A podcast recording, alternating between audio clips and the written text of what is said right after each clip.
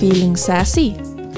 Ó já, Sara, veistu, ég fer ekki úr þessum frægu rassaböksum bara rassina verður eitthvað annað. Ert að grínast? Ég get ekki hægt að stara og sjálfa mig í lyftunni þegar ég er á leiðinni heim.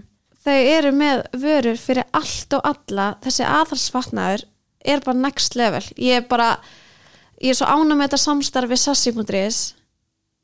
Já, og svo eru þau með fría heimsendingu samdægurs eða vestlar fyrir yfir 15.000 sem er bara aðeins svo auðvelt því að vörúrvalið er trublað. Ég mæli með að kíkja sassi.is. Verið velkomin í fæðingakast. Það er um að gera hækka botn í græjanum, setja fætuna upp í loft og njóta á sem erfiða tími í samfélaginu því að Við erum kominar með jákvæða reynslu. Þú vil kannski byrja bara á að kynna þig. Já, ég heiti Eva Dögg og er 28 ára, eh, er verkfræðingur og á eina dóttur sem heitir Unamist. sem er átján mánu Já, bara pink og pánsins okkar Já. Samt svo stór. Já, ég veit það Svo fljótt að liða En hvenær fattar þú að vera ólétt í fyrst skipti? Það var sem sagt þarna í desember 2017 þá byggum við í Danmörku. Ég var í mastersnámi þar og var á síðasta árinu mínu, eða setna árinu og var í lokaprófum og mér leið svo skringilega. Ég var bara, Mhm. ég skil, ég hugsaði bara, ég er á fymta árinu mínu í háskólanámi og ég er ekki svona stressað, ég er bara einhvern veginn hafði engar list og mér leið bara mjög skringilega og fór að hugsa bara, getur verið sé ólétt. Og ég svona þorði allega að tala um það því að bara ég, það gata ekki verið einhvern veginn, en samt var- gata samt verið. Þannig að ég fór út í bara matabúð, kefti hann ólíftipróf, að því ég sagði kærast mér bara ég þarf bara að geta innbytt mér prófunum. Já. og ég vil bara vita ef það er líka, veist, ég var eiginlega bara að taka til að fá neikvætt. Já. og svo pissaði að það kom neikvætt. Þannig að ég bara, ok, flott. Og pældi ekki meiri því og bara hugsaði bara, ok, ég er bara með eitthvað flensu líka eða þú veist, eitthvað slepp. Og síðan bara kláraði prófin og við fórum heim til Íslands yfir jólin og ég hef alltaf verið mjög regluleg þannig að ég átti að byrja á blæðingum um hann að þorlásmessu og byrjaði ekki þá. Og byrjaði þá að finna að ég var um brjóstunum og þannig að ég alveg bara svona, ok, ég er ólétt Já, fannst það bara. Já, ég, þá vissi ég það eiginlega. Þannig Já. að eins og aðfangadag þá þú veist, var rauðin með matnum og svona og ég alveg bara fekk mér bara svona eitt sopa og var að byrja að vera svona mjög meðvitið um hvað ég var að gera. Varstu búin að láta kærastæðin vita? já, þá sagði ég, þú veist, ég held ég sé ólétt Já. En það var náttúrulega allt lokað þannig að við og ljóst ekki út í búið að köpa próf. Þannig að við byggðum þangað til á um, ég held að það hafi verið annan í jólum. Þá keftum við próf og þú veist, þá vissu við það í rauninni bæði. Og svo tók ég þennan morgunin 27. og þá kom jákvætt Og það, já, varstu þannig- ána? já, ég var ókslána en ég fór svona að hágráta. Og bara eitthvað svona oh my god af því að þetta var alveg smá sjokk en þannig að bara ótrúlega skemmtilegt Það er gaman að já. við erum fara að kaupa óléttiprófa sama degi. gerðum við það? Já, ég var líka annan í jólum. Fór ég Ok. okay. apoteki og kefti próf. við erum náttúrulega næstu bara nákvæmlega ákveðum börn Já, nokkri dagar á milli. mm Það er líka bara eitthvað við mómentið þegar maður fyrsta skipti fari í ákvæmt próf. Er bara tilfinningar, þetta er svona ólýsanlegt. Já, er náttúrulega nokkur svona búin að taka próf bara En til þess að fá Neikvætt, já. þessum gegnum lífið. Og svo er myndið að fá jákvætt það er alveg bara svona, þetta er mjög skrítin tilfinning. Þetta er ótrúlega skrítin Ég hágrið líka í fyrst skipti. Það er bara, Já, með eldri stelpuna, það Ég- er bara, maður ræður ekki vissi. Nei, og samt, þú veist, ég vissi þetta svo mikið og við vissum þetta alveg bæði, þetta var ekkit eitthvað, veist, og við vorum alveg búin að vera saman í mörg ára og þetta var mjög velkomið og allt það, en samt einhvern veginn svona alveg bara brotna maður niður Já, og bara, oh já. my god. En það var bara ótrúlega skemmtilega en þú varst ekki á getnaverð þannig, Nei, nei Þú varst með appið með appið góða Já, smá feilanni, ykkur kanti þú veist eitthvað aukalega kannski Já, Það eru bara tæknilegir erfileikar.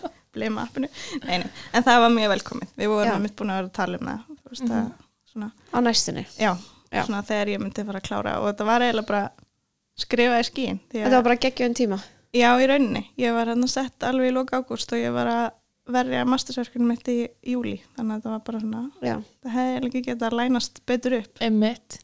Það verður ræðilegt að þetta hefði komið tvið mánuðum áður. Einmitt. það hefur Þarna verið er. Já, þetta Já. var eiginlega bara, það mátti rosa mikið gerast það var eiginlega bara fínt að þetta ákvörðunum var tekin fyrir okkur að við vorum alveg svona eigum við strax eða á ég að fara að vinna eins hvernig ég að hafa þetta En þú vilt kannski segja hlustandum af hverju þú mátt ekki vera á pillunni Já, ég hérna, hef semst fengið blóðtapa og þannig að ég má ekki vera á neittni hormónagetnaði eða bara sem eru svona mini-hormóna ég mátti vera til dæmis á hérna brjóstapillunni. Já, þannig að serasett. Getur maður að henni þótt maður hefur ekki átt barni eða ekki með barn á brjósti? Já, það er allt í góðu. En hún er bara svona öðru samsett, samsett en hún fór rosalega illa í mig. Þannig, Mm. þannig að ég, þú veist, ég prófaði hana á sín tíma en þannig að það virkaði bara ekki fyrir mig. En að því að ég hef svo einmitt líka sögum blóðtapa þá myndi ég að ég fekk sérst blóðtapa þegar ég var 16 ára og þá myndi ég að það hefði verið talað um það að þegar eða ef ég er ólétt þá þyrfti ég að fara á blóðþyringu því þá er aukinn áhætta á maður að fá blóðtapa. Þannig að við náttúrulega byggum í Danmörku á þessum tíma og vorum bara í Íslandi yfir jólin þannig að ég var ekkert einu svona inn í heilbríðskerfinu hérna heima. En ég ákvæði samt að ringja á heilsugjastluna mína gömlu og hérna að það hvort ég geti fengið tíma til þess að ræða þetta við lækni. Og um, fekk bara tíma hérna ég já, við komumst að þessu 27. ég fekk held ég bara tíma 28. eða eitthvað slags Mhm. og fór þá að tala við lækni og hún eitthvað svona kíkti á mína sögu og sagði að hún ætlaði að ráðfæra sig við eitthvað svona blóðsérfræðinga og eitthvað Já. með hvers konar meðferð ég þyrsti Já. þannig að hún myndi bara vera í bandi við mig og svo var þetta eiginlega svolítið fyndið við fórum bara, ég held að við farum bara í smárlindina að að við minnum við hefum verið að skipta jólagjöfum og svo fórum við á Serrano og svo ringi símen og, og þetta var bara svona já, þú þarfst að vera á blóðþyningu þú þarfst að vera á hérna, sprautið meðferð og ég er búin að setja livsseil í gáttina og hérna, þá flokkast sem áhættu meðganga en ég er líka búin að senda beðni upp á landsbíðala og bara gangiði vel. Og ég bara, já, ok. Og hún bara, já, bara byrja að sprauta þig strax í dag. Og ég bara, já, ok. Shit. Flott. Já.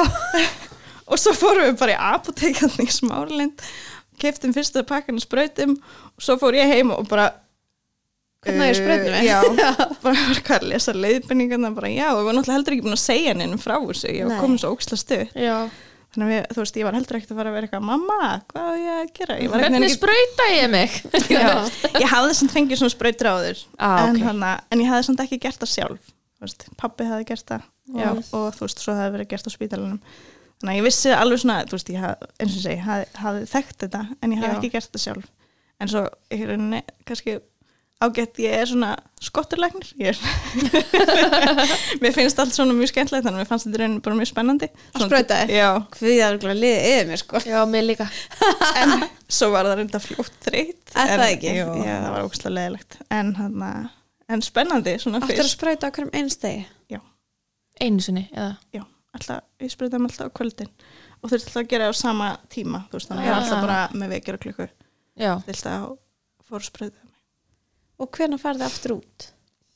uh, já, svo hann sagt, við vorum samt að fara að flytja heim. Ég var semst að fara að gera, skrifa mastersveitgerð minn og var að fara að gera hana með össur. Þannig að við ákomum að flytja heim bara áður en ég myndi útskrifast, flytja heim hann í januar þannig að við áttum í rauninu bara eftir að fara út og ganga frá íbúðinni og komum svo aftur heim í januar en hann við fórum hann í mann ekki hvernig það var bara eitthvað tíman svona viku inn í januar eða eitthvað slis þá fórum við út.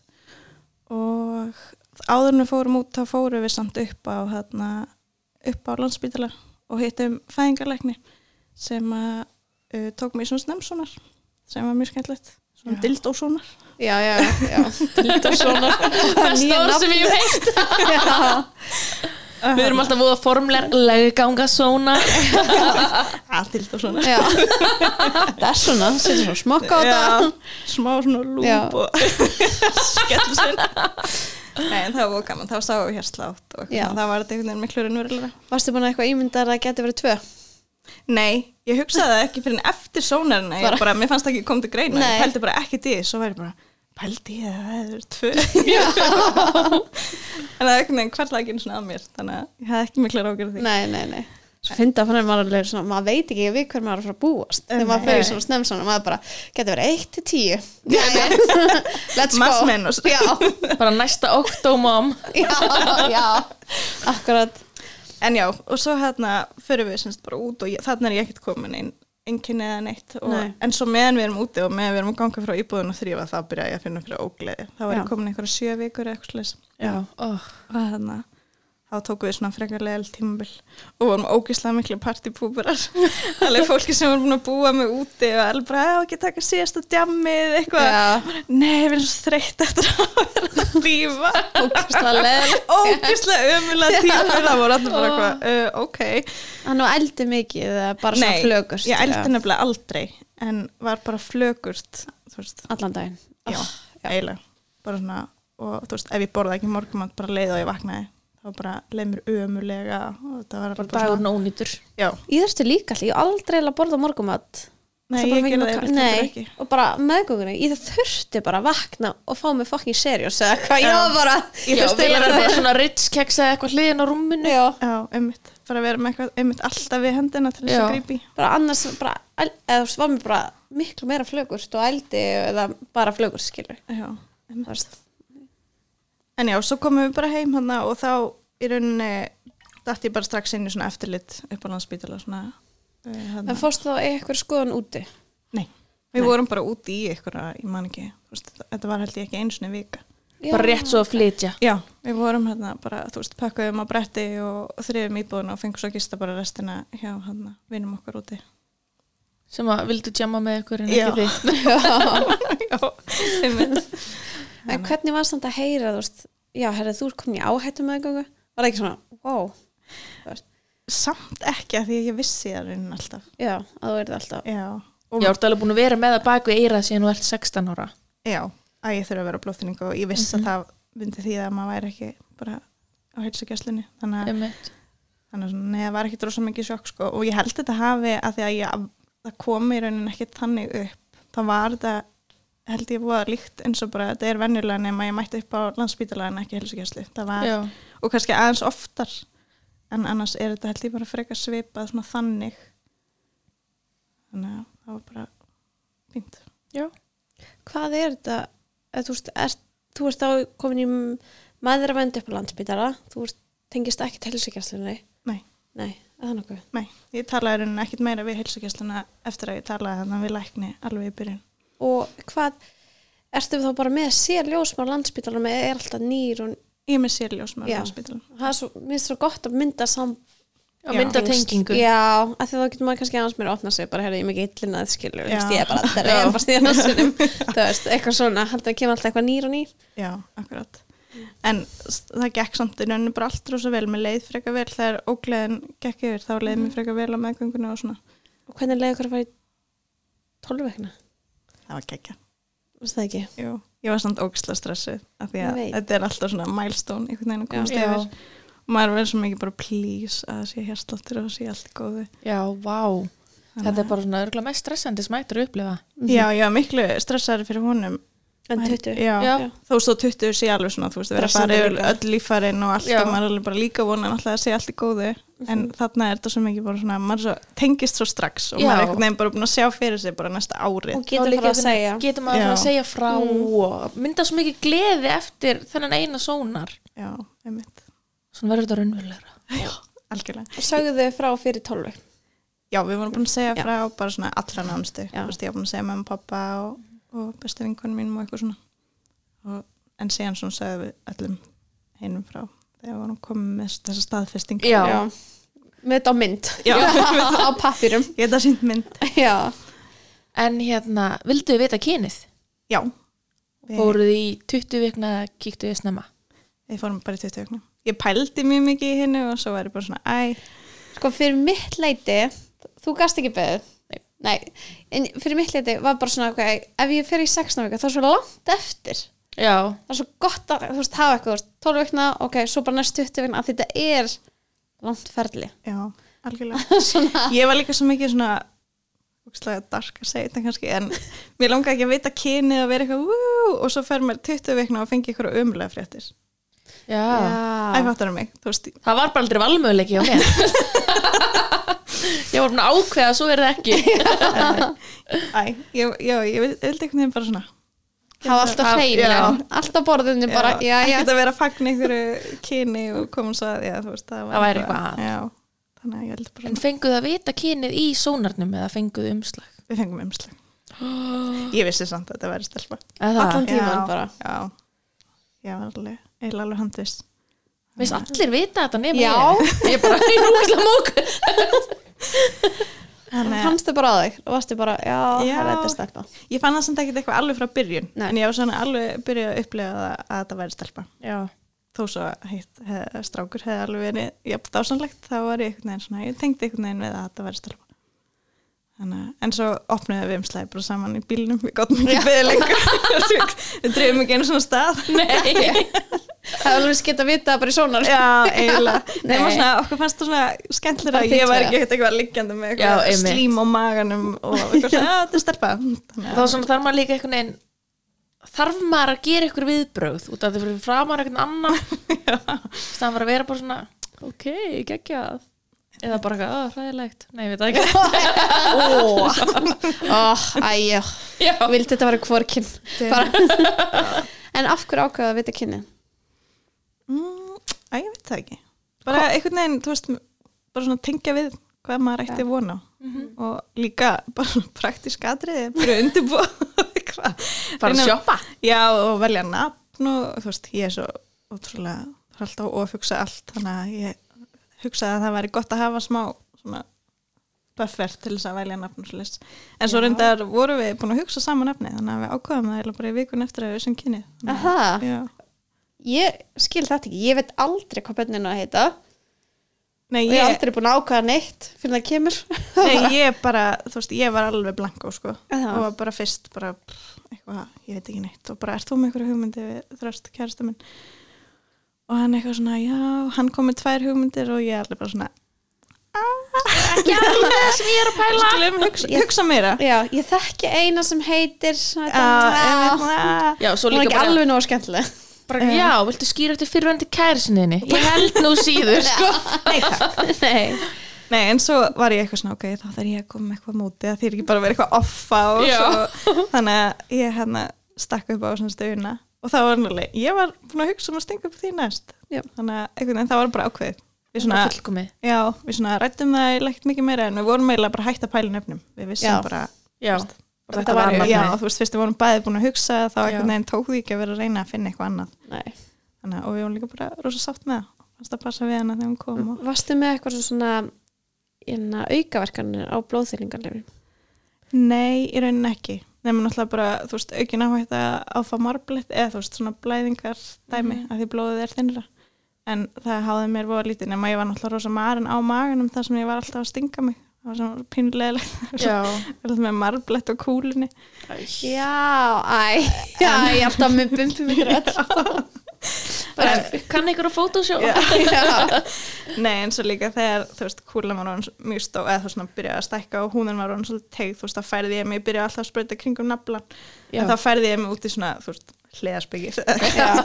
er eitthvað aukin áhætta að maður er alltaf að sprauta sér að fá mér slita eitthvað svona Sko, að því maður alltaf, að, ég ímynda mér þegar maður já, þegar Já. húðin er svona strekk já Já, ég sko það sem ég var alltaf að sprauta með svona á hliðunum mm, veist, ég er ekki beint með slit en ég er samt svona, þú veist slöpp Það nei, svona- ummerki? Já, ég er eitthvað svona pínu svona, svona húðin svona, svona, Já. Það er svona, þú veist, bara skoðan hana mjög nálagt, þú veist, þá Já. sérði alveg svona að það hefur verið búið að með þannig það hefur eitthvað verið á, í Það- gangi þarna sko. það hefur búið að gera eitthvað við hana en ekkert samt alvarlegt Nei, og nei. ég, þú veist, slitnaði vorulega lítið þannig að ég held að sé ekkert eitthvað nei, að því maður mér að þetta er svo strekt svo alltaf að gera sár. Já, ég myndi vera svo stressuð að sprauta af því ef að húð, þegar húðin er svona strekt ég myndi vera stressið bara um að sprengja belgina ég myndi vera bara það er svo lengi ekki blöðru. Ég held að það sé mjög langt. Það er alltaf enga líkur á því en ég myndi samt hugsa það. Já. ég myndi vera bara svona býttu, býttu, býttu ég myndi þurfa að hugsa mig nokkru sinnum um. Já, var ekkert gaman að vera að stinga samt í kúluna eða þú veist, þegar Nei. hún var svona stór. Og líka að því að hún var svo strekt þú veist, það gerist alveg, sorry ef ykkur er mjög viðkvæm fyrir, þú veist, það gerist alveg stundum að bara, þú veist, bara byrja að leka blóð eða þú veist, að þetta var allt svo strekt. Einmitt. Sem maður hitta á okkur þannig stað. Já, úps. Það er að segja hengla eða en byrja hann að sprauta eða varstu bara sjálf strax bara, herru, ég ætla bara Nei, ég spröðaði mig sjálf allan tíman hörku tól. Vá, já, ég held að ég bara þyrsti lögð inn sko. Ég er svo hrættu nálar ég bara alltaf vera Já. ég þurfti einn til að halda mig niðri og einn til að láta mömmu sprauta já, Þetta er líka ekkert, sko, þetta er engin svona eitthvað penni Þetta Nei. er bara sprauta og nál og þú þarf bara neglin og svo bara þrýsta niður hægt og rólega meðan Oh. efnið er að fara inn svo venst í Já, svo venst í eftir fyrsta mánuðin þá er þetta bara Já, þetta er eins og ég segi, mér fannst þetta bara mjög spennandi. En hvenar fegstu að hætta á livjunum? Upp á, já, upp á fæðingun að gera. Sko, ég fór hérna í fyrsta viðtalinu, þarna bara þegar ég kom sex vegna, þegar ég fór í snemsónarinn, þá sagði hún að við myndum svo bara taka stöðuna, þú veist að þetta verður planið núna, ég verður bara á blóðþynningu en svo þurfti hún að heyra í semst læknunum mínum, uh, þú veist, heila læknunum, Já. þarna uh, bara varðandi fæðinguna og framhaldið og slis, en vildi ekkit, hún var ekkit að fara í ykkur dítali í það þá, en sagði að ég myndi fá viðtal með fæðingarlækni aftur, það sem væri búið að gera það, þú veist, setna á meðgöngunni. Þannig að ég minnir að ég hafa verið komin þetta var ekkert um í júli og ég var sett þarna 30. ágúst. Þá fengum við viðtal með fæðingarlækni þar sem var svona farið yfir veist hvernig þetta er þið og þá sem sagt var okkur sagt að um, læknirinn minn mælti ekki með að ég myndi uh, rembast of mikið eða þú veist reyna of mikið á mig. Já. það bara þú veist hvernig æðin í haustum er eftir Mhm. blóðtapan og svo leis þannig að uh, það var svona sett svona við mig svona ég mætti bara rembast eiginlega í einn og hálfan tíma. Já. Sem er samt ógeðslega mikið. Það er ógæslega langur tími sko. Mætti bara ennfast í einna hálfan. Já, og svo var sagt líka að þau vildi ekki að ég myndi ganga lengra en 41 viku. Já, þannig að þú veist, ég erði, ef ég myndi vera að ganga fram með þér þá væri það algjörst max. Mhm. og bara upp á batni var ekki orðið starra og ég bara orðin ennþá þreyttari og meira Einmitt. álega á líkamann og sem sagt að þegar ég fyndi að ég verið að fara stað þá ætti ég að hætta að sprauta mig. Veist, að því að þú ert að sprauta á hverjum degi þetta er ekkit rosalega mikil blóðþynning. Ég held að á ég man ekki hvað hann sagði, hvort það var 12-14 tímar þá ert í rauninni orðið nokkuð eðlileg. Ah, þú veist, þú þarft ok. alveg ekki þetta viðhaldinni með því að sprauta á hverjum degi þannig að Þannig að þér er gefið skamturinn í svona bara algjör lámarki Þannig Já, þannig að þetta er bara fyrirbyggjandi meðferð. Það er Já. ekkert verið að sagt, eh, veist, þinna blóðið eitthvað rosalega. Þetta er Nei. bara til þess að sem sé minni líkur. Þannig að hún sagði bara leið og finnur að veist að fara stað þá bara hættir að sprauta og ringir upp á deild. Veist þá ef, að, ef það er um kvöldmatarleit þá sprautar þau ekki það kvöld. Já, þannig að, en svo var mér samt líka sagt að svo þyrfti ég að vera alveg í sex vikur eftir fæðinguna áfram á blóðþningu af því þá er líka aukin hægt á, á blóðtapamyndinu oh my god. Já, þetta er magna Í útrinsin og blóðþynningu já. Já, það var mjög skemmtilegt. Oh my god. En varstu með eitthvað grindagliðinu eða eitthvað svona aukaverkanir á meðgöngunni Ekki mikið, eða þú veist, ég fekk ekki grindaglinn en ég var samt náttúrulega rosa bara eins og maður verður, ég varð rosa stór. Já. og ég hugsaði mig þegar maður var að segja þetta hana í, í viðtalina á 30 og ég man ekki hvað komin 33 ára eða eitthvað með með að ég mætti ekki ganga lengur en 41 ég hugsaði bara, ég er aldrei að fara að ganga fram ég er eins og kvalur Elskar mín, þetta verður löngu komið og þannig að ég þú veist, eins og ég segi, var orðin þreytt og stór hann undir lokin. En ekkit engin grindaglinn þannig. Ég var aðeins komið með náran sem ég held ég að bara fengið á því að snúa mér í rúminu maður var bara eins og ég veit ekki hvað. Þannig að ég var Það alveg, bara tekur allan krafti líkamannum að snúa sér. Þannig að ég var alveg komin á snúningslag og þetta, en það var ekki út af grindaglinn það var meira bara því mér var illt í náranum og eitthvað svona. En, þarna, en undir lokin þá var ég byrjað að fá rosa mikið svona upp úr 37. viku. Þá var ég byrjað að fá rosa miklu svona stingi veginn niður í laggöngin ekki beint samdrætti og það var engin Svona eins og ströymur Já, Já, það var vá. engin að tengja við mig sem ég var álætt, þú veist, ég var Fær eitthvað þú alltaf svona streymi Þetta er svona eins og fór rafstuð eða eitthvað bara svona Já, ég var, þú veist, í svona mömmuleik við mig og eitthvað svona, þannig ég var Já. alveg í kringum mjög mikið og óléttum stelpum svona á svipuður óli og ég og ég var alltaf bara, þú veist, er einhver að upplega ég er alltaf að fá okkur stingin í leikungum bara hvað þýðir þetta? Og allir bara horfa Já, bara, bara, er þetta að tala um samdrætti? Ég bara, nei, ekki að tala um samdrætti. Sara tengir Já, ég kannast eitthvað við þetta. Já, og það var- og þegar, þannig að í kringum 37. viku, þá var þetta alveg orðið þannig að, þú veist, ef ég var í göngutúri eða var að tala við eitthvað, þá bara svona, þú veist, hætti ég að tala, þú veist, en það voru ekki samdrættir, ég gat spurður í ljósmaðurinni Já, hún var bara eitthvað svona, já. Ég svara, ég held að þetta sé eitthvað svona taugakippur eða eitthvað sko, ef að barni liggur á okkur taug. Já, það Já. geta alveg verið en allavega en þá var ég vissum að, að ég væri að fara stað þá var Já. það orðið rosa mikið og ég eitthvað svona það er eitthvað að gerast og alveg pakka Hvað varstu komin? 36? Já, 36 pluss eitthvað Já. kringum 37 og ég eitthvað svona já, já, þú veist 37 telst var bara, Já. þetta er allt í góðu og eitthvað, þetta, þetta. svo alltaf gerast ekki neitt Nei. en fóruð þið okkur svona fæðingarnámskeið já, við fórum, að, brjóstagefa við fórum að fæðingarnámskeið nýjum mannum? mm -hmm. Fannst það að hjálpa? um, meira, þú veist, ég var búin að kynna mér þetta allt eins og Já, ég Ég hef- já, Já. þetta var kannski meira fyrir hann og líka bara meira fyrir svona mig svona, já, ég er búin að fara að fæðingarnámskeið. Ég er Já, alveg gott að vera með Ég er þetta. Tikka í þetta box. Professional. Bara, kann þetta allt, tilbúin í þetta. Veit nákvæmlega hvað er að fara að gerast. En veit svo veit maður ekki neitt. Nei. Það allt annað að heyra þetta bara okkur námskeiði heldur en að actually gera þetta. Já, ég myndi segja að vera betra að vera bara með svona powerpoint show sko En já, ég held að sé þú veist, ég held að þresta það finnst það mjög gott. Mhm. Bara svona aðeins, vera að Já. fara yfir bara hvernig ferlið er og allt þetta. útvikkun og hvað Já. það þýðir og þú veist, fyrir okkur þá vitum við þetta þegar við kynnum okkur þetta, hann ekki náttúrulega Eva, dag, vissur það þetta gerist, 1 til 10 Einmitt. Já, þannig að, svona, en það var samt bara mjög fínt. já, Ég er svona hvorki eitthvað mæli með því eða gegn því, þetta var bara svona, já, bara fólki Já. líður eins og sé gott þá. þetta er svona gott fyrir Ég öll fræðisla er Já. góð fræðisla já, það er margt sem að kannski bara já, þetta var, gæti tekið í fæðingunum sína. Já. þetta ég myndi ekki bara raska þegar ég fór. Nei, ég, það var eiginlega það sem ég hugsaði um, ég pældi mjög mikið í að fara brjóstakjánámskeið. ég Og- held að ég hefði, ég hefði vilja Já, ég líka. Já, Já, svona eftir að ekki það eftir reynsluna, þá hefði það líka örugglega verið ágætt. En Já. ég hugsa allt sem ekki bara, þú veist, það er ekki að fara að gera neitt fyrir mig þegar ég er ekki með barn í höndunum. Þú veist, ég er ekki að fara ég Geta- búa til hambúrgar Já, einmitt, helvitis er hambúrgari ég að fara að geta lært eitthvað annað, en þú veist, svo hefði það kannski bara verið fínt. En alltaf gott að vera vitur eftir á. Já, já, maður tekur þetta með næst Já. maður á eitthvað inni já þannig að Akkurát. Ég er núna þótt ég sem er tvö börn, ég myndi samt fara á brjóstakjánámskeið Ég er ólítagt ykkur sem hann aftur. Já, Já, nei, bara að því að Ég veit ekki, en samt, jú, kannski. Ég var alveg Bara- til í það, bara svona fá nákvæmar upplýsingar það sem ég, ég hefði örugglega gert er að ég hefði vilja bara kaupa um brjóstar og gefa heim. Já, eða það veist, til að Já. hjálpa að því að þetta var ókslega erfitt hana fyrst. Já, ég, ég, hefði viljað það, ég bara já. vissi ekki að væri bóðið en það, þetta er ekki dýrt, þetta er trjú skall eða eitthvað meira. Og fá bara brjóstar og gefa heim Já, um, og bara hjálpar, veist segja nákvæmlega allt. Bara enga kennsla, já, þú veist, ég held að það myndi gera gæfi munin já, já. En hvað hva gerur svo? síðan líð tíminn Og og, ég þú kom með 40 tilbúin. vikur. Já, já. Tilbúum frá ætla- 36 já, já, allt, þetta var alveg að fara að gerast alltaf. Ég var sko eftir að fram með þetta var bara, varstu En- búin að reyna eitthvað?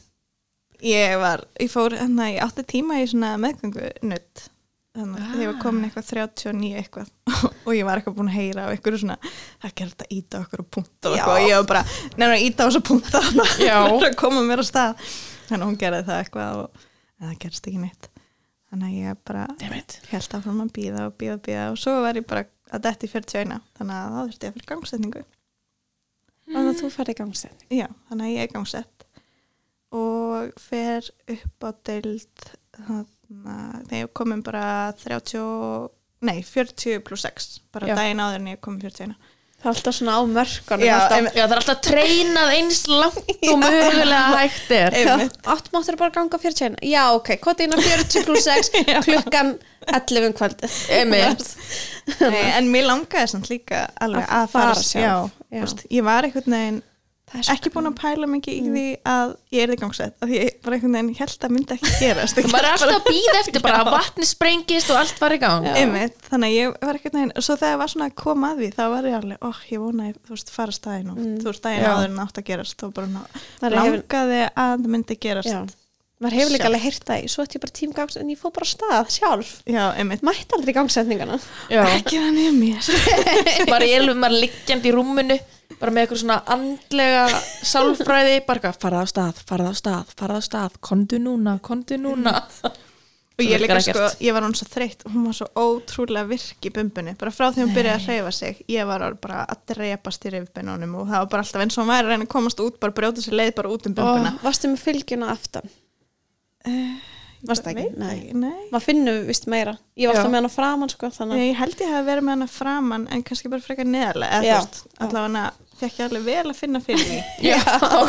og þetta var líka alltaf bara svona ef eitthvað var eitthvað að reyfa sig, má ég finna og svo alltaf bara, wow, hvað er maður að gera þannig að hún var alveg mjög aggressív í hérna reyfingum bara næs, það var næs Já, No það var mikið partí í bumbunni varstu með eitthvað mikið lægvatn eða eitthvað? Að þú talaði um að þú var stór? Nei, leiðir bara þannig kannski? Já, líka ég var samt alltaf bara þegar ég komin bara svona 30 vikur eitthvað alltaf bara alveg eiga? að fara að eiga? Og svo var svona eitthvað annar óleittur í kringum hann sem komið lengra og bara það er bara eins og þið séu komin alveg jafn langt. Það er bara já, Takk. Nei, mér, Rætt mig í svefni kvöldin, ok? nei, mér samt fannst ég sko, mér fannst ég geggja óleitt Já. ég, Mér hefði aldrei fundist ég að þetta er bara eins og mynda mér og Söru saman við erum komin að jafn langt Já. ég er sko helmingi starra en hún Já, þetta er svo mismunandi Það er alveg ótrúlegt ég var reynda með helmingi starra bann Já, þessu. Og helmingi meira læguva. en ég veit ekki af hverju maður, mér, mér fannst þetta ógislega leðilegt að vera svona stór Já. ég gæti ekki klætt mér nærbuksu sko. Þú veist, mér leið, þú veist, ég var bara hjút, menn hún var bara með eitthvað bumbu, bara eitthvað svona sæt ólitt, menn ég Með var eitthvað svona, ekki einu svona bumbu, bara með eitthvað svona títiprjóna eða já, bara pinkur litla kúlu Já. Já, ég Með- var ekki þannig. Ég var meira með þér. Við erum mjög stór. En eins og segjum, ég fannst það samt bara allavega svona fram með þessu kvala mómenti þannig að það kemur þannig 30 og eitthvað það fannst mér sko geggja að vera ólíkt. Ég var Já. alltaf í þröngu og bara Kjólum og- Já, bara njóta, þú varst með þetta gló ég, ég ætla ekki að dæma það sjálf en mér allavega leið, Leið mjög vel og mér fannst ótrúlega gaman að klæða bumbuna og þú veist, ég hafði mjög gaman að vera ólíkt. Ég var búin að vera mjög spennt lengi að verða já, Þannig að svona nöyð mín allir í bótt með það. já, Ó, svo æðislegt. maður á að taka einn á sig og njóta bara Já, maður er ekki ólíkt það oft. Nei, akkurát. Enjoy every day. Já. en mætur í gangsendingu Já, mæti í klukkan gangsendingu. 8 morgunin Já, uh, og setti mónitor og er þá alveg með eitthvað samdrætti en þú veist, Mhm. ég fann ekkert fyrir þeim og þú veist, það var bara ekkert að rétta. Þannig að það er alveg bara, já, heyrðu, við byrjum þetta bara og, og þarna, varstu bara með enga útvikun og... var, það var ekki eins og tjekka á því, sko. nei, ok, Það var bara það lítið að frétta. Mér minnir að hafa ekki verið tjekka. Jú, kannski var tjekka á því og það var ekkert fyrir þetta. Það var allavega ekkert að frétta. Ég man ekki, náttúrulega hvað þetta var. Og þarna, en ég fekk þessar þarna angústa töflur, mm. þarna gangsetningatöflunar. Hvernig virka það? Þá tekur tvær töflur, nei, tekur einu töflu og tvekkir minna fresti. og ferð bara heim Í gegnum munin. Já. Já. Já, þetta er ekki þarna sem þú setur upp í leggingin. Og já, þú bara ferð heim og átt að taka töflunar á tvekk tíma fresti og það er klára sem þú byrjar þarna í kringum áttu morgunin og mér minnir ég hafi verið að taka síðustu töflunar þarna eitthvað tíman bara ní, eða tíu eða eitthvað slis. Já. Og þá var bara sagt, þú veist, ef það er ekkert að frétta, þá er bara ekkert að frétta, þá fer bara að sofa og reynir að kvílaði vel og svo tökum við bara stöðuna þarna morgunin eftir, þá annarkvort fær maður aftur svona töfluskamt eða ef maður er orðin eitthvað hagstæður, þú veist, það er aðeins byrja að opnast þá er oft hreift við belgnum eða eitthvað slags reynd að koma svo stað. En þarna ég bara tók töflunar og það var ógslega gott veður þarna. Þannig að ég var bara eitthvað í sólbaði og veist, fann eiginlega neitt og þarna síðan um kvöldi þá vorum við að horfa mynd ég og þröstur. Og þá byrjaði ég eitthvað svona aðeins að finna. Og svona samdrætti og byrjaði, og maður var náttúrulega með eitthvað svona app og Já. byrjaði eitthvað svona Að telja. Já, trakka þetta eins og, en samt ekki þannig, þú veist, svo fórum við bara að sofa. Þú veist, og það var ekkert mál sopna, þú veist, þetta var ekki orðin eitt þannig. Þannig að uh, síðan vakna ég klukkan fjögur um nóttina og ég held ég hafi í alveg bara verið að vakna til þess að pissa af því að þú veist, ég upplegaði ekki að ég var að vakna út af einhverjum verkjum eða eitthvað svo leis Ég bara vaknar svona eðlilega. já, mér fannst það, og þú veist, maður var náttúrulega alltaf, Alltaf að vakna vakna oft. til þess Já. að pissa já, já. ég þannig var að svo fein að vera með klósett til hliðin á samtarbrekkinu sko. Já, sama Já. hér. ég bara, já, ég ég líka var bara svo pissum að skína nóttinu í endan sko. Já, þetta var orðið mjög skemmtlegt og ég myndi gaman að fara fram úr og aftur upp í með þessar rísakúli þetta en hann, já, og þá svo fer ég fram og pissa og sen ég er þóa mér um hendurnar og þá var alveg bara svona, ú, ó og alveg bara svona þegar þarf að styðja mig við, þú veist, baðherbyggi sínréttinguna og alveg bara svona, ok, heyrðu, nú er eitthvað komið í gang. Og bara, ok, fram, fá sér að borða og bara undirbúa þetta. Nú, þetta er að fara að gerast. Forgangsræða, Já. byrja að borða. Bara því ég vissi að ég væri ekki að fara að borða líklegast mikið. Þannig að ég fóð fram, lokaði búin sefnirfiki leið þrjast og svo fóð fram, fekk mér að borða, borða bara njóta Já. ég svona byrjaði eitthvað svona undirbúa með andla undir þetta. Síðan hringdi ég upp á deild og var bara eitthvað, hæ, hérna ég er í gangsetningu. Þú veist, ég var svona alveg skráð inn þannig, að ég er í gangsetningu. Og bara, hérna, ég held að þetta sé að gerast og, og hvað hva á ég að gera? Og hún bara, já, bara, þú veist það tekur samt örgulega smá tíma og þarna, þú veist, komið upp á deild en ekkit í ykkur kasti, þú veist, Nei, bara geða ykkur tíma græði ykkur bara og, og komið svo upp á deild. Og við kíkjum á þetta. Og ég eitthvað svona, já ok. Þannig að ég eitthvað svona klætti mig bara í róliheitunum og svo vakti ég þröstan eitthvað rúmlega fimm sem var bara eitthvað, þröstur. Er að gerast. Og hérna við förum upp á deild eitthvað um sex. Og ég vissi rauninni ekkert hvað var að fara að gerast. Nei, og þú veist, hún sagði ekkert í símón ég var þess að búast við að þú veist, ég er bara skoðuð og send svo aftur heim, maður er svo miljónsunum heyrt að já. sögum að þú veist, þetta gerist allt svo hægt bla bla bla. Þannig að ég vissi rauninni ekkert hvað var og En bara, varstu með svona verki? Já, var, þetta var alveg von já, þetta var orðið svona, ég þurfti að hætta að labba og þú stiða mig vekk og þú veist, þannig að þær sáu það svo sem kannski þegar ég kom út úr lyktinni, ég veit það ekki. En alltaf, mér fannst alveg pínu skrítið samt að ég, okkur var bara strax gefin fæðingastofa erum við bara að fara að vera hér? Er ég að fara að fæða barni hér? Og, er barnið að fara að leggjast þannig já, þetta, er allt fyrir okkur. Og já, og já, ég var alveg búin að því líkt alveg bara, já, ég, ég vil fá svona stofu með baði og eitthvað. Þannig að ég fekk svo leis já, og, bara luxus einmitt, og hérna síðan var þetta sem sagt þarna, við erum að koma eitthvað rúmlega sex upp á spítala og svo náttúrulega vaktaskipti um átta. Já. þannig að það líka bara svona, þeim fannst ekki taka því að skoða mig að því að var hvort sem- já, að því að þú varst veist, það ekki perrandi? svona já, nei, ég var náttúrulega ógstlega mikið bara, þú veist, hvar er ég? Þú veist, Já, ég hvað það. er að gerast? Já, Vistu, er ég einum, er ég í tveimum, er ég í fimm? Þú veist, akkurat, þannig að við eiginlega að bara fengum hana fæðingastofu og svo vorum við eiginlega bara í friði bara í tvo tíma, þá til rúmlega átta. Bara eitthvað svona, þú ringir bara bjöllina eða eitthvað, þú veist, ég fekk bara mónitor á bumbuna og þú veist, bara kaffi vel frammi og bara eitthvað, við bara eitthvað svona, já, ok. Við verðum bara hér. Já, og svo vorum við bara eitthvað að chilla þannig og bara koma okkur fyrir og kveiktum á tónlist og bara eitthvað svona vorum að reyna að hafa bara eitthvað kósi en þá, það var alveg svona þú veist, það var alveg svona og þarna síðan römmlega átta kemur ljósmaðurinn sem var þá að mæta vakt.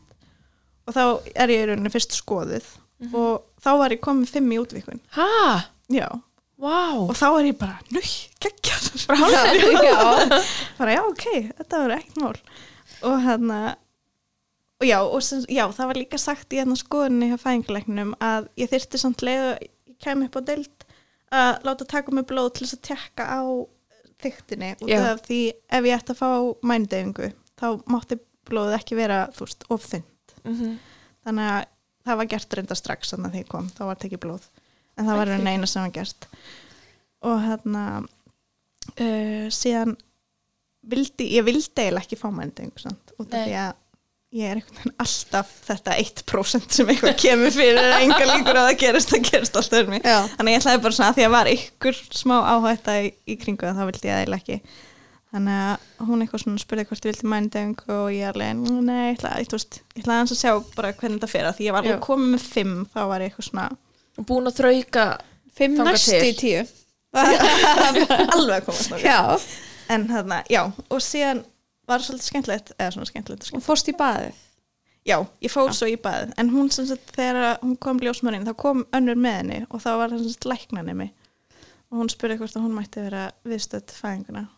Og ég alveg bara svona "Mm, jú, jú, allir það. Ekki og sagði að mætti vera viðstödd en þá þurfti hún að taka myndir fyrir mig Æ, já, nú fegst Ó. bónus. Já, þannig að ég á myndir bara af allri fæðingunni sem er geggjað, bara af öllu fellin hún var líka, hún var sko indisleg, hún var alltaf að taka myndir bara þótt að við vissum ekki. Þannig að þú veist, ég áður bara svona og þetta er svona spontaneous myndir. Já, bara svona the frían ljósmyndara Já, það var geggjað. Hún bara, ok, ég veit nákvæmlega hvað sjónarhörn er best. Þannig að það var ótrúlega skemmtilegt. Ég var mitt áður en ég kom kíkti við myndirna bara svona, hvernig var þetta aftur? Aðeins að rifið þetta upp. Var ekki gaman að eiga þetta? Jú, það er ógæslega skemmtilegt. En, þarna, en já, og svo skoða hún mig og svo sagði hún eitthvað svona ég man ekki nákvæmlega hvað tölur hún sagði en hún sagði eitthvað, við viljum ekki vera að skoða of oft? Þú veist, Já, vera að fara og ofta kanna Mhm. útvikuna þannig að hún sagði, þú veist, ég ætla bara að næsta tekka eftir svona tvo tíma. Og svo sagði hún eitthvað þá væri við sátt með að, man ekki hvort hún sagði eitthvað, þú veist, hálfur sentimeter á klukktíma, að því þetta er fyrsta bann eitthvað svona, þannig að þú ert komin upp í sex eftir tvo tíma, þú veist, þá væri það geggjað eitthvað svona. Og ég eitthvað svona, ok. Og síðan fór ég að eitthvað í baðið fannst það ömulegt Já. ég hefði búin að heimta herbyggjum með Já. baði.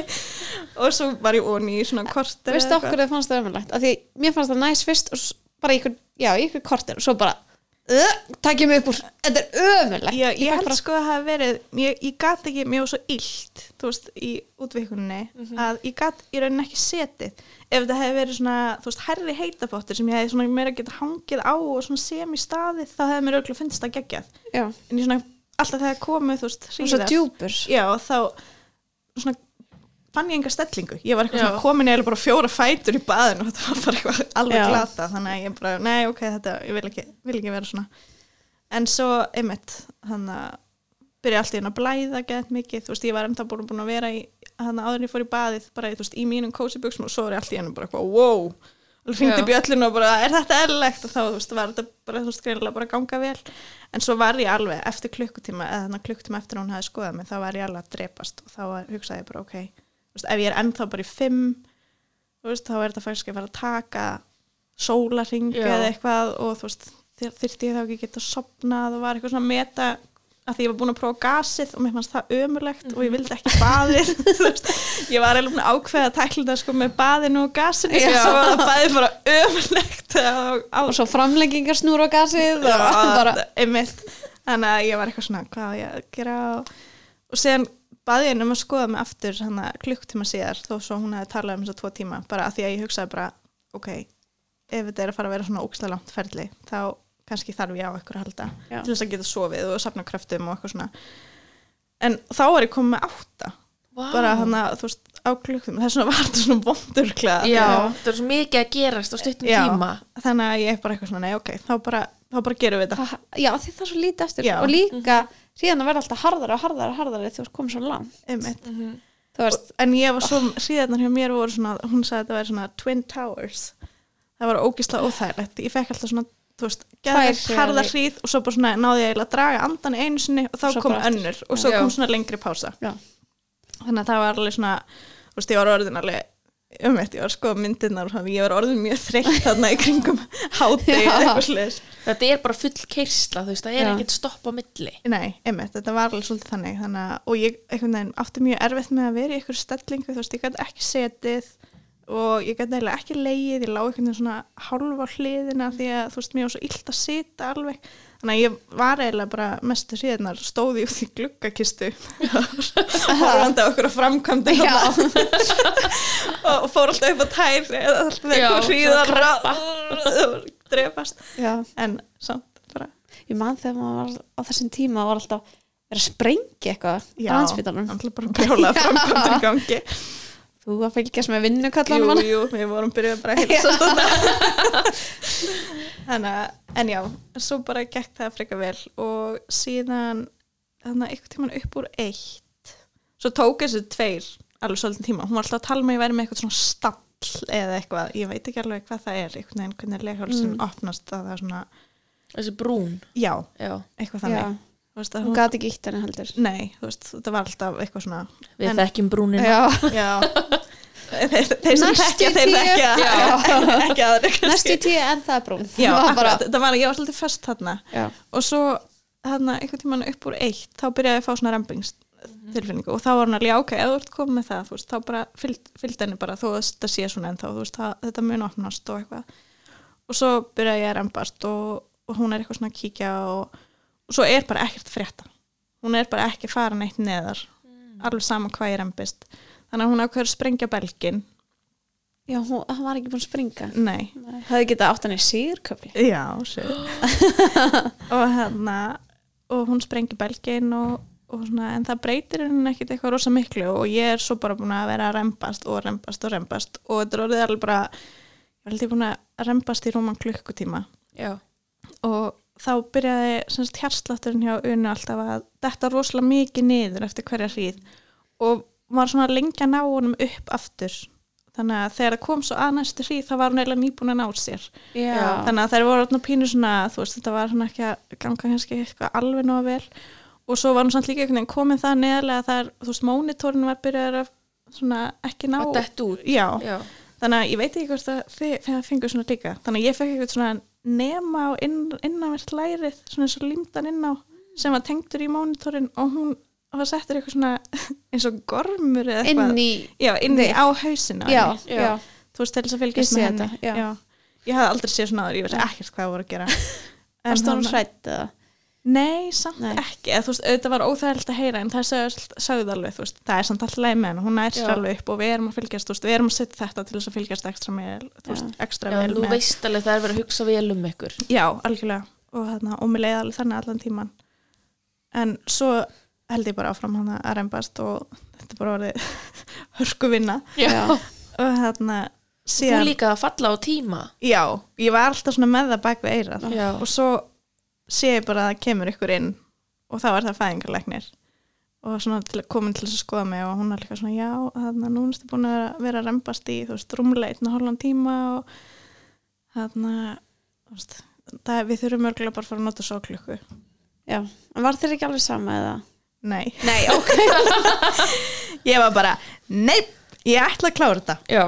og hún og ég er svona- byrjuð, Já. ég mun klára. Mér fannst líka svona eins og sjálf ég finna að þetta væri svona loksins að byrja að gerast mér Já. fannst ég svona að vera að ná loksins ykkur um árangri að maður eftir, finnur þetta Já. allt sjálfur að því að ég var búin að vera að rembast svo ógíslega lengi og loksins núna fannst mér að vera að koma ykkur breyting og ég var Já. bara nei, ég ætla að klára þetta og leiðir Já. eins og þegar þú varst fyrst byrjað að rembast eins og var rembast vittlust Já. Já, en maður kann þetta ekkert. Maður har aldrei gert það. Og þú veist, og hún var einmitt alltaf eitthvað, þú veist, hökuna niður og rembast Já. þarna alveg niður í eitthvað, þú veist, og ég heldur mér þetta að kannski hluta af rembingnum en það fyrst hafi ég ekki verið að rembast einhvern veginn alla leið nei, ef ekki verið niður. nei, ekki að það djúft inn í Nei, einhvern veginn. þú veist, maður þarf einhvern veginn bara að gefa allt í þetta og Já. þú veist, svo er maður eitthvað svona er ég að fara að kúka á mig? Og þú veist, eitthvað. Já, og þegar maður er alltaf með þetta, þessa hugsun í sér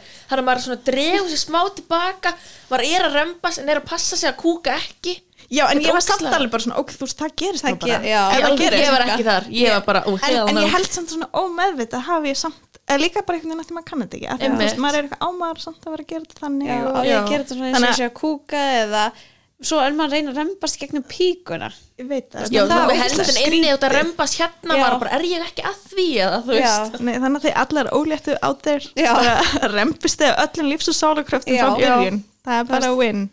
það bara gerist það sem gerist. Nákvæmlega. En já, og síðan hann uh, skoðar hún mig og er eitthvað svona ok, ef þú tristið til þá bara gefum við þér smá tíma í viðbót. Mhm. og þá náði ég henni alveg svona í næsta rembing kom alveg svona, þú veist, tveföld svona hríð sem var Já. ógislega löng, þannig ég náði alveg bara svona, ég var alveg bara ógislega Já. lengi Já. og náði henni allar leið niður. Oh, en var þetta ekkert vond að vera deyfingalus Jú. já, sétt en þú veist, samt jú, jú þetta var, Jú. þetta var drullu vond en, það er samt svo gaman að finna já, mér þetta fannst það nefnilega geggjað Ég er bara ennþá mindblown af því ég fann hana bara skríða niður Já. í hverjum rembing og eins og ég segi, ég er svona læknis já, áhuga mannskja og mér fannst, ég var alveg, þú veist, mér langaði að finna þetta Þú Já. veist, mér langaði eiginlega ekki í mændöfingu þú veist, Já, ekki til að bara finna. þú veist, ég pældi alveg í því þarna þegar ég held kannski að þetta væri að fara að taka mjög langa tíma en þú veist, mér langaði að finna þetta Mhm. eins og þetta væri bara þannig að og hvernig var að finna hana bara svo kom ógeðslega löng byggð hún alveg, kollurinn er komin í það alveg fremst og bara viltu snertan og eitthvað og ég held bara, já, eitthvað, og var eitthvað þarna og, og Snertir? Oh my Já. god Við báðar bara með skelvingar svip auðvitað, fannst það magna? já. já, og bara svona geðveitt einhvern veginn svona gúi með hári og bara eitthvað. Þetta er. Er það hár úr þér eða mér? Já, hvað er þetta?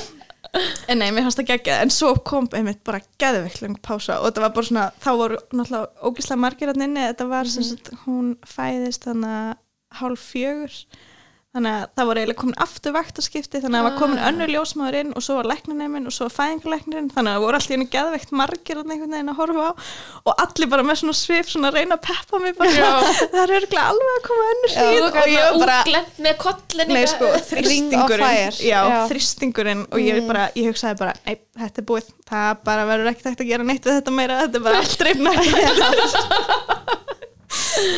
En svo loksins kom þarna, næsta hríð og ég náði henni þá bara allir út. Þannig að- þannig að það gekk allt á endanum. Fekst hann á þig?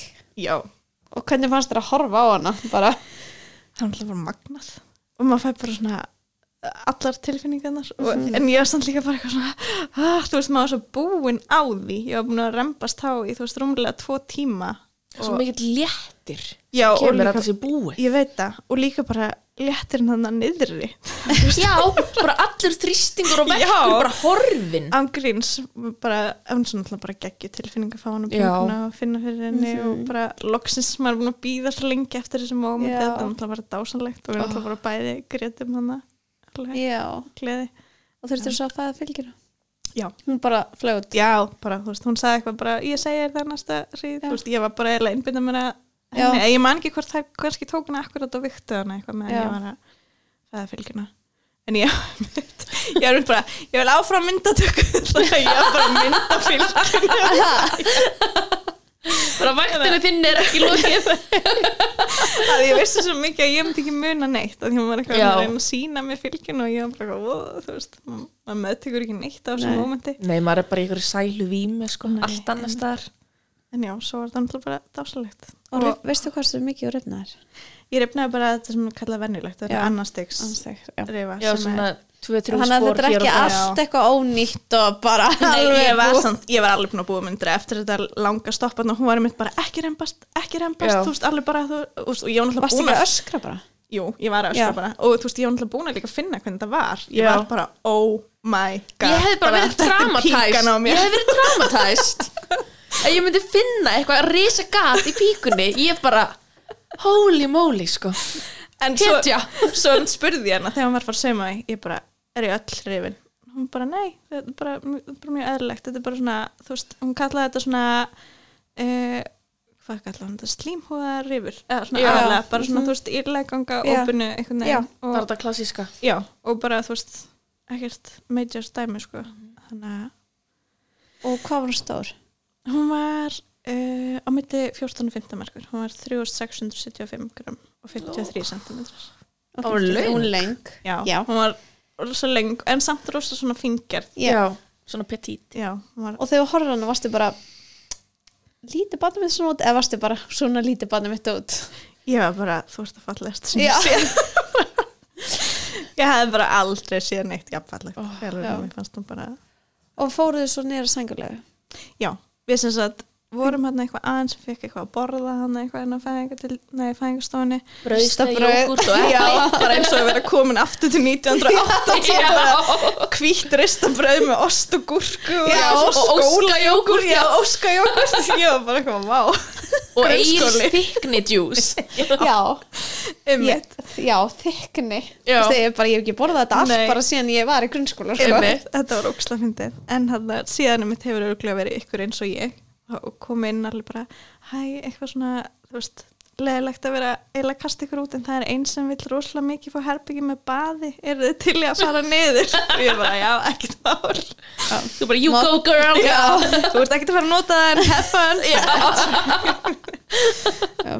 en þannig að, já þannig að þá fórum við niður og við gistum þar einan nótt hún fæðist þarna hálf fjögur og svo fórum við heima og fóruðu í sér herbyggi Já, það voru tvö rúm en Þröstur var bara í öðru. Já, kom enginn inn, voruðu Nei. alltaf please ekki komin inn, ekki komin inn. Inn Ég var að deila baðherbyggi með, þú veist, það var svona Já. samlíkjandi. Mér fannst það alveg nóg. Ég hefði sko Já, já. ekki vilja hafa eitthvað Nei, það er bara, sorry, þetta er bara ömulegt að deila herbyggi með einhvern öðrum Þurfti þið að gera það? Já, þetta er bara ekki, hræðilegt. ég dreymi bara strax heim hvað, fjórum tímum Já. eftir fæðingu. Já, ég bara, I'm out, bitches. Ég myndi, ég, þú veist, ég myndi gera það næst Já. næsta Já. barn, en þú veist, þarna og það var með annað barn Já. ég, Og hvernig gekk brjóstakjöfun fyrst? um, sko, Vissið þú all, helstu bara vissur með broddinn og já, ég, eins og segi, ég er alveg bara já, búin að kynna þetta. já, en hann og ég einhvern veginn kveið þú veist, ég vissi alveg að brjóstakjöf væri vesinn oft, en ég er samt svona kveiðin ekkit eitthvað þannig. Nei. og hérna bara svona, já ok, þú veist, við bara gerum þetta, þú veist, ég var komið með bara ég var með stór brjóst fyrir en ég var sko komið með hjúts brjóst. Já. það svakalegt. Já, og bara ma já, þú veist, bara þrefalt hausinn ég tengi það sko. já, bara hausin á henni pínu lítið að en hann og svo bara einhvern veginn, þú veist, sett í hana og þú veist, gerast hann fór upp í hana og ég held bara að þetta væri að ganga fínt og, Já. en ég var samt rosa duglega að ringja bjöllunni og fá aðstofa því að ég var alveg búin að heyra að bara þú veist, nýttur með hana, Já. þú veist, þú hefur eitthvað til þess að koma alltaf þannig að ég var alveg duglega að gera það og það er alveg svona hjálpað mér að leggja hana og voru bara, þú veist, það var eins sem spurði mig mitt bara, ertu búin að fara að brjóstakjánámskeið og eitthvað svona og ég er alveg bara, nei, þú veist, bara, þá fekk ég alveg bara, "Ha, Ég er bara ok, natural. Já, þetta gengur bara eins og í sögu. Bara professional. En nei, nei, svo bara komum við heim og ég var enda með yndislega ljósmaður í heimaþjónustunni. En hérna hún greinilega var ekki að fara rétt á það, þú veist, ég var ekki að setja hann rétt upp hérna, þannig að ég fekk bara sjúklega mikið sár á Oh. báðar gerurstuðnar Það er svo vond og og einhvern veginn eftir það fór bara allt til anskotans með Já. brjóstakjöfuna og hérna bara kveið fyrir hverju einustu gjöf Já. og var bara kreppandi tætnar þegar hún fór á Já, og bara, oh. þetta var svo ógeðslega vond og hún var samt alltaf, og það var samt svo pyrranda því að alltaf þegar ljósmaðurinn var það var alltaf, þú ert að gera þetta rétt. Og, veist, og ég er alltaf bara svona, nei, augljóslega ekki. Já, bara, það er eitthvað ekki Já. Og ég það- man eftir þessi mómenti þú veist, bara kvíða þegar að hún sé svöng á nóttinni Það bara maður er bara- grænjandi já, veist, þetta er einmitt. og ömulegt tímvel þetta er ókslega erfitt. Og, hana, og síðan mitt var hún eitthvað svona hún var alveg að þingjast en hefði alveg verið að þingjast hraðar þannig að hún eitthvað svona ok, hún er ekki búin að ná þessu á morgun, ég man ekki á hvað degi þetta var degi fjögur eða eitthvað, þú veist, þá þurfum við kannski að skoða að gefa henni ábót, en þá einhvern veginn það var ekki einhvern veginn eins og framlista mín hefði ekki verið búin að kickstartast Já. almennilega. Og það var bara eins og það hefði gest þarna um kvöldi því svo var alveg komin ágætlega yfir það. þessa- þetta viðmið. Hún fengið sér góðan sopa. Já, og ég er náttúrulega líka bara að passa að hafa hana mikið á og allt Já. þannig. Þannig að veist það, svona þetta gekk. En svo bara út af sárunum þá byrjaði ég að nota Mexikohatt og ég notaði hann alveg bara í tvo mánuði eða eitthvað. Já, Af Því líka himna sending Já, ég Nei, nei, fan, sko sko. bara allir Já. bara sem er að byrja að fá sár líka bara til meðan þú ert að gróa. Já, Já. að það hann srífa alltaf aftur aftur aftur upp. Ég er nefnilega treynaði það alltaf lengi að ég spurði ljósmörun minn úti og hún eitthvað svona sagði eitthvað sem, þetta var svona eina skrýtna hún var eins og segi dásamleg og hjálpaði okkur ótrúlega mikið. En ég spurði hann eitthvað mann úti í Mexiko þegar ég var komið með svona mikið sár og hún var eitthvað, það er bara fyrir eitthvað svona innfallna Já, það er voða og- skiptar skoðanir á þessu milli ljósmaðra já, Mhm. og síðan hérna þegar ég var bara að það var loka deginum sem hún var í, er þetta ekki fimm dagar sem það er, já. Þá, þá eitthvað svona var ég að tala um hvað ég væri bara að drepast og væri bara komið sára báðar og þetta var bara ógislega vond og þá var hún alveg, já senda hann bara út í apotek og keftu hatt. Og ég var bara, hæ? Já, bara núna? Já, bara okkur mikið löngu búin að gera það? Þannig að þú veist, það var algjör sæla. Þú veist, þá einhvern veginn náði ég fyrst svona bara að slaka á og gefinni brjóst. Ég nota Mexikan hatt bara með brjóstnáða Já, ég mani mitt í setni meðgangunni á mér og því ég átti byrjaði mitt brjóstakjöfin svona í fyrstu og ég náði hann aldrei upp. Bara ég gæti ekki lagt hann á og Viktor var alltaf að segja mér frá þessum hatt. Þannig ég tók hann með mér á fæðingadildina í setna skipti mm.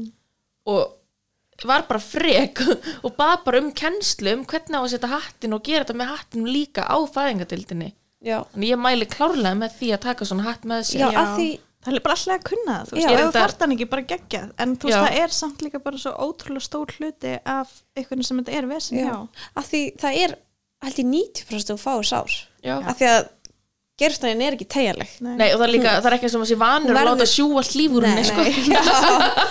Ég maður fyrst skipti maður bara wow, Já, ég bara, ég var ekki að búa sig þessu sko. Algjör mikið sókrá. Já, kraftur sko. Og það gerur það bara ég allt í nefna bara með tryggja sendur langa gerfurti bara, Já. hvað er þannig þetta? að Mexikanatur er bara, mér finnst hann life saver Já. Bara algjörlega. Já. Og svo bara svo lærir maður að taka hann af Já, ég var einmitt mjög stressuð fyrir því mamma var einmitt alltaf svona að hvetja mig til þess að svona prófa, þú veist, það er alveg komið hjá okkur prófa og ég var neinn, ég var bara brend á sálinni Já, eftir þessa, þessa fyrstu viku þarna eða fyrstu vikur, þetta var alveg enda. Já. þó svo Mexikan hætturinn hafi bjargað þessu rosa mikið en svo einhvern tímann glimti ég honum heima þegar ég var að Já. fara með til pappa mömmu og bara svona Já. þurft að gera og þá var ég alveg, huh, ó, ok.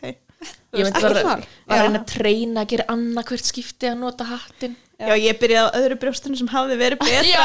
svo sleppast undir hattin er nota alltaf hattin á þessu brjóstu Af því að þau ná líka, ég skil það alveg þegar að tala um að ná ekki að örfa jafn mikið með mexikatnir Já, að þá er þú veist á milli ná ekki að sjúa Já, akkurat en þú veist að fyrir mér að vera stressu og bara öll spennt að reyna sig. Akkurat. þú veist þá er okkur mjölkuframleista mín bara á botninum. Með við bara ok, setna á já, afstönd veist, ef maður er grátandi með ekka í hver einustu gjöf þá af hverju ekki að prófa það ég var það bara svona komin á tímbil bara, ég var smá pyrru út í hann að vera svöng Já.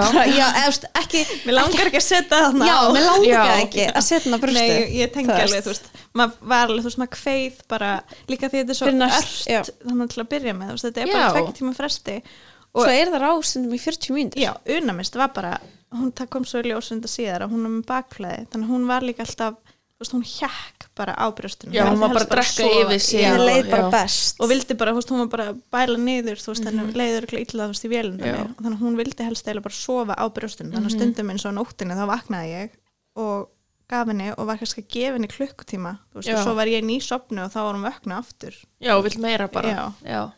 Já. maður var orðin alveg vel dreitt Já, maður veit líka, veit ekkert heldur að maður eigi ekki að vera með þau hangandi á brjóstinu allan sólaringin en svo segja suma ljósmaður en ljósmaður mín var Já, bara, einmitt. hún var bara verður bara með hana allan daginn Er það? Já, Já. ljósmann mín var alltaf að tala um það sko, til að örfa sko já, til að Ah. örfa og hún líka var alltaf að tala um það hún var mjög klár í svona brjóstagjafa dæmi, hún var að segja sko sem að ég hef ekki kynnt með sjálf svo sem, en að þú veist, fyrsta barn er einn legg grunninn að brjóstagjöfni, þú veist, hversu mikla mjölk þú hefur, þannig að þú vilt geðveikt örfa Já, með fyrsta ok. barn, eins og segja, ég takk ég sem fyrirvara. Ég, en ég er samt reynda að treysta henni mjög vel, Já. hún var rosa klár.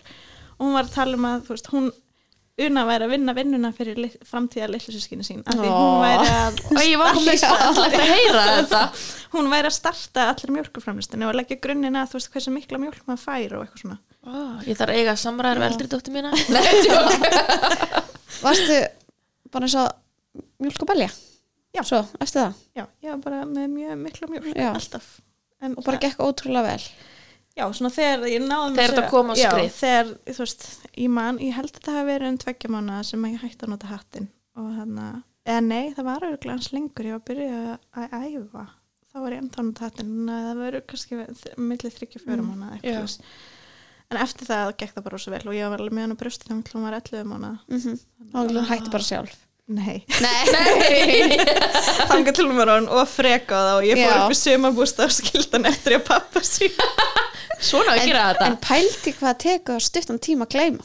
Já. það er ótrúlegt, ég svo fyrir því að koma heim og þurfa að vera bara nei ástu mín en hún bara ég, í því? ég passaði bara hún sæði ekki á mig brjóstin af því hún var að byrja að vera bara ef ég var að klæða mig í fetta bara eh, eh.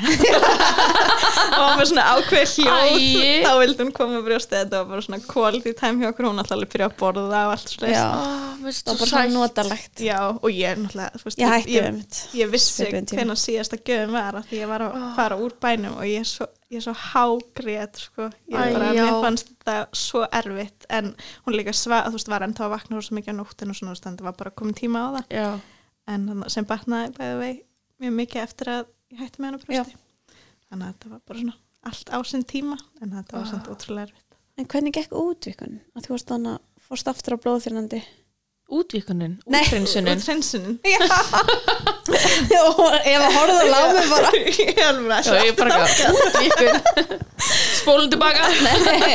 Útrensunin Uh, hún gekk bara vel.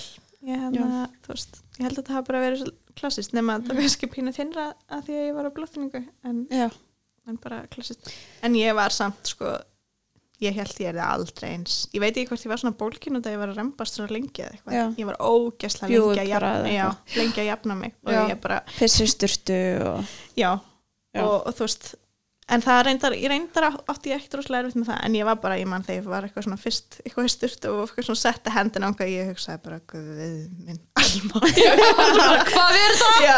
hvað var ég að gera mér en svo bara fórst í tjekk og svona. Já, bara good Ég- as new já, ef við sagt um mig. Já, já, það lítur bara eins og aldrei áspenn ég bara, Já. ok, thank you. mig tíu standi. Vildi bara heyra þetta veist, frá Frá fagaðila. já, allt væri í góðu. Já. en mér leið samt þarna fyrstu tvær veiknar ég hugsaði bara Það var það er eitthvað Já. það er bara, Já. þetta verður aldrei eins. Já, en Það er líka bara eins og okkar kjarnakustrið hérna já. sko. já, en svo er bara líka mann magnar bara, bara fyrir allt tilbaka bara, það er eins og í dag bara maður hefur aldrei á það nema brjóstin. Mm brjóstin hjá mér verða aldrei eins. Þú veist. En- Brjóstu mín eru bara flottari. Já, Þannig að stelpur, það er valmöguleiki. Já, já, þú veist ekki það er pínu gefin en hvað ég, maður getur verið lengi að jafna sig þannig að niðri eh, Já. eftir, fæðinguna. mér finnst veginn ekkert mikið talað um það þú veist, væntalega maður saumaður og það er vond og eitthvað en þú veist, löngu eftir að saumarnir voru farnir og eitthvað fannst mér enda ekki tælt að setjast niður. En það er vist bara rosa eðlilegt. Já, Já, en það var kannski svona ég meina þetta eru risa átök. Já. Sumir eru bara nokkra daga og þeir eru bara góður Já, menn aðrir eru bara í margar vikur vikur með bara. frosið dömubindi og já, Ég, ég labbaði bara eins og Andris önd Já. bara Já. í nokkra daga meðan sumir eru bara eitthvað farnir í göngutúr þreymdum Já. eftir fæðingu Þú veist, Einmitt. þannig að ma maður veit ekki Nei. hverju munurinn liggur en, nei en það lét mig halda að það væri bara eitthvað mikið aðana fyrst já, bara að það er því aldrei þá eru bara konum eitthvað klopna pjöllu sko. en bara takk æðislega fyrir að koma Eva. Bara bara, þetta var æðislegt. Geggju frásögn. Já, og bara þanga til næst